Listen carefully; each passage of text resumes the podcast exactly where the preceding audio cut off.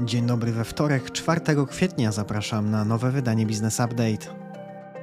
Business Update to codzienne informacje biznesowe. Odsłuchaj przed pracą i zacznij dzień z przewagą. W poniedziałek WIG20 wzrósł około 1%, podobnie szeroki rynek. Najmocniej wśród blue chipów rósł kurs akcji Allegro prawie 4,5% do 30 zł 59 groszy.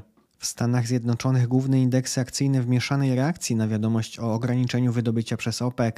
Spada technologiczne Nasdaq, rośnie przemysłowe Dow Jones, a S&P 500 bez zmian. W poniedziałek nieco słabnie dolar do 4,29 zł. Ropa drożeje ponad 6% do 80,5 dolara za baryłkę WTI i do prawie 85 dolarów za Brent. Gospodarka i makroekonomia. PMI dla polskiego przemysłu wyniósł w marcu 48,3 punkta, co oznacza spadek o 0,2 w porównaniu do lutego, podał S&P Global. Główną przyczyną był spadek produkcji i nowych zamówień. W styczniu eksport produktów rolno-spożywczych wzrósł o 33% rok do roku do ponad 4 miliardów euro. Dodatnie saldo wyniosło 1 600 milionów euro, gdzie rok temu było to 900 milionów. Wiadomości z Unii Europejskiej w marcu inflacja w strefie euro wyniosła 6,9%, czyli poniżej lutowego odczytu na poziomie 8,5%. Jednak inflacja bazowa, czyli po wyłączeniu cen energii i żywności wzrosła do 5,7%, czyli o 1,1 punktu procentowego więcej niż w lutym, podał Eurostat. W Niemczech PMI spadło do 44,7 punkta z ponad 46 miesiąc wcześniej. W piątek usługa ChatGPT została tymczasowo wyłączona we Włoszech po tym, gdy zostało wszczęte dochodzenie dotyczące możliwego naruszenia prywatności przez to narzędzie. Użytkownicy platformy mieli mieć dostęp do danych innych osób, takich jak imiona i nazwiska czy numery kart płatniczych. Niemiecki komisarz ochrony danych osobowych poinformował wczoraj, że podobne działania mogą zostać podjęte na terenie Niemiec. Wiadomości ze świata. W niedzielę Arabia Saudyjska i inni członkowie kartelu OPEC ogłosili ograniczenie wydobycia ropy łącznie o 1 600 tysięcy baryłek dziennie. Cięcia rozpoczną się w maju i potrwają do końca tego roku. Goldman Sachs podniósł prognozę ceny baryłki ropy Brent na koniec roku z 90 dolarów na 95 dolarów, ponieważ szacuje, że łączna produkcja ropy przez kraje OPEC Plus będzie wtedy o 1 100 tysięcy baryłek niższa niż wcześniej prognozowano. W Stanach Zjednoczonych politycy obydwu stron sceny politycznej spotkają się z dyrektorami największych firm technologicznych i mediowych, aby omówić sprawę Chin dotyczącą własności intelektualnej i problemów handlowych. Międzynarodowy Fundusz Walutowy odblokuje fundusze w wysokości prawie 5,5 miliarda dolarów dla Argentyny, zwiększając jej rezerwy. MFW zatwierdził w piątek czwarty przegląd w ramach programu pożyczkowego o wartości 44 miliardów dolarów. Informacje biznesowe. Alior Bank w ramach usługi płatności odroczonych Alior Pay, która została udostępniona wybranym klientom pod koniec minionego roku, uruchomił limity kredytowe dla klientów o łącznej wartości 3 milionów złotych. Jak wynika z raportu opublikowanego przez bank, wskaźnik zadowolenia klienta wynosi 74%, a ponad 65% użytkowników Alior Pay była w wieku między 25 a 45 lat. Żabka rozpoczęła współpracę z firmą kurierską DPD Polska, dzięki czemu we wszystkich sklepach sieci będzie można odbierać, nadawać i zwracać przesyłki wysyłane przez DPD. Usługa nie będzie dostępna w autonomicznych sklepach Żabka Nano. Za wdrożenie rozwiązania odpowiada PointPack. EY, dawniej Ernst Young, otworzył we Wrocławiu Centrum Technologii Chmurowych Cloud Enablement Center EY. Ośrodek będzie ściśle współpracował ze swoim odpowiednikiem w Arizonie. Jego celem będzie głównie rozwój sztucznej inteligencji i nowoczesnych rozwiązań. Societe Generale prowadzi wstępne rozmowy na temat otwarcia Centrum Usług Biznesowych w Warszawie, w którym pracę znalazłoby między 1000 a 2000 osób. Kolejnym etapem miałoby być otwarcie kolejnego centrum w Poznaniu, Wrocławiu lub Krakowie. Obecnie grupa Societe Generale zatrudnia w Polsce 450 osób. Sieć sklepów alkoholowych Duży Ben z grupy Eurocash chce w tym roku otworzyć 130 nowych sklepów. Obecnie ma ich 334. Sieć planuje uzyskać rentowność na poziomie EBITDA pod koniec roku. Unihouse z grupy Unibep podpisał umowę z firmą AHA Active House GmbH o współpracy w obszarze produkcji modułów do budownictwa mieszkalnego przeznaczonych na rynek niemiecki o szacowanej wartości około 120 milionów euro netto. Zgodnie z kontraktem niemiecki klient zamówi ponad 1200 modułów do końca 2025 roku. Z drewnianych modułów Unibepu powstają bloki mieszkalne o wysokości kilku kondygnacji. Spółka Eurostyl należąca do Dom Development zakończyła w Gdańsku rewitalizację starego budynku montowni silników do łodzi podwodnych, w którym powstało 114 loftów hotelowych o powierzchni między 37 a 51 m2. Lokale są nieruchomościami inwestycyjnymi i nabywcy mają możliwość odliczenia 23% VAT.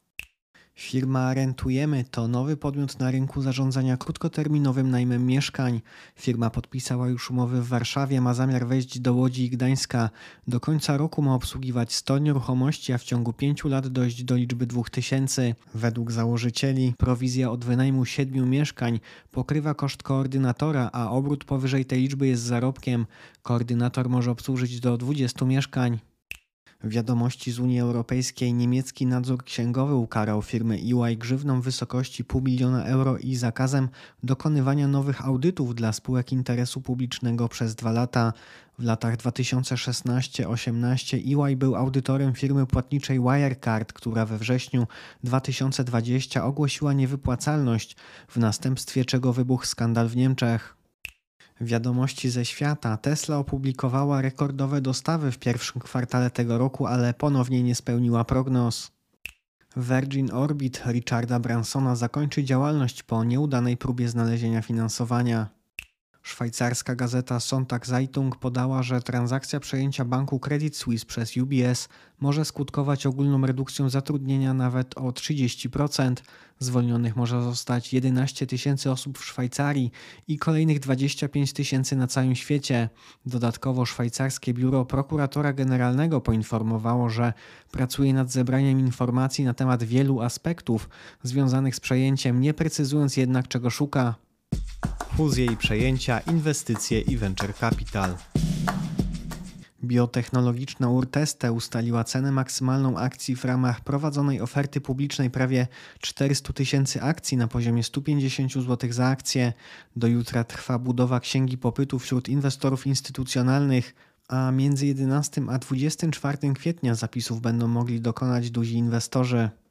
Akcjonariusze Polenergii zdecydowali o emisji nie więcej niż 12 milionów akcji. Jak poinformowała wcześniej spółka, planowane pozyskanie nawet 750 milionów złotych ma zapewnić finansowanie projektów inwestycyjnych, w tym w obszarze farm wiatrowych i fotowoltaicznych, projektów wodorowych, elektromobilności i magazynowania energii. Bank PKO zawarł z PV Energy Project spółką SPV litewskich właścicieli zarządzaną przez Lords Asset Management umowę kredytową na kwotę 105 milionów złotych dotyczącą sfinansowania 36 farm fotowoltaicznych o łącznej mocy 68 MW. Farmy zostaną ulokowane w 8 województwach w centralnej i północnej Polsce.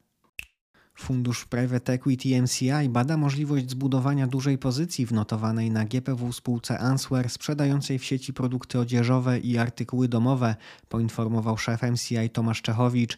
Fundusz jest drugim największym akcjonariuszem spółki z udziałem prawie 25%. MCI zamierza zainwestować do 2 miliardów złotych do końca 2025 roku. Zamiast dywidendy zarząd spółki zamierza rekomendować przeprowadzenie skupu akcji własnych, którym miałoby zostać objętych nie więcej niż 2% akcji w danym roku. Wiadomości ze świata. Rosyjski producent napojów i przekąsek Czernogolowka zgodził się kupić rosyjski biznes spożywczy Kraft Heinz za 35 milionów dolarów. Firma rozrywkowa Endeavor, właściciel federacji UFC, jest bliska zawarcia umowy kupna World Wrestling Entertainment, znanej również jako WWE, przy wycenie 9 miliardów dolarów. Federalna Korporacja Ubezpieczeń Depozytów zatrudniła doradców do sprzedaży portfeli papierów wartościowych o wartości 90 miliardów dolarów i 26 miliardów dolarów, które odrzucili nowi właściciele upadłego Silicon Valley i Signature Bank prawo i podatki. Sąd Zamówień Publicznych potwierdził, że z powodu uczestnictwa w zmowach na austriackim rynku Strabag podlegał będzie wykluczeniu z polskich przetargów przez kilkanaście najbliższych miesięcy. W październiku 2021 austriacki sąd kartelowy potwierdził stawiane Strabag zarzuty i nałożył na spółkę 45 milionów euro kary. Ministerstwo Rozwoju i Technologii poinformowało o trwających pracach nad nowymi regulacjami w zakresie rynku mieszkań i procesu budowlanego.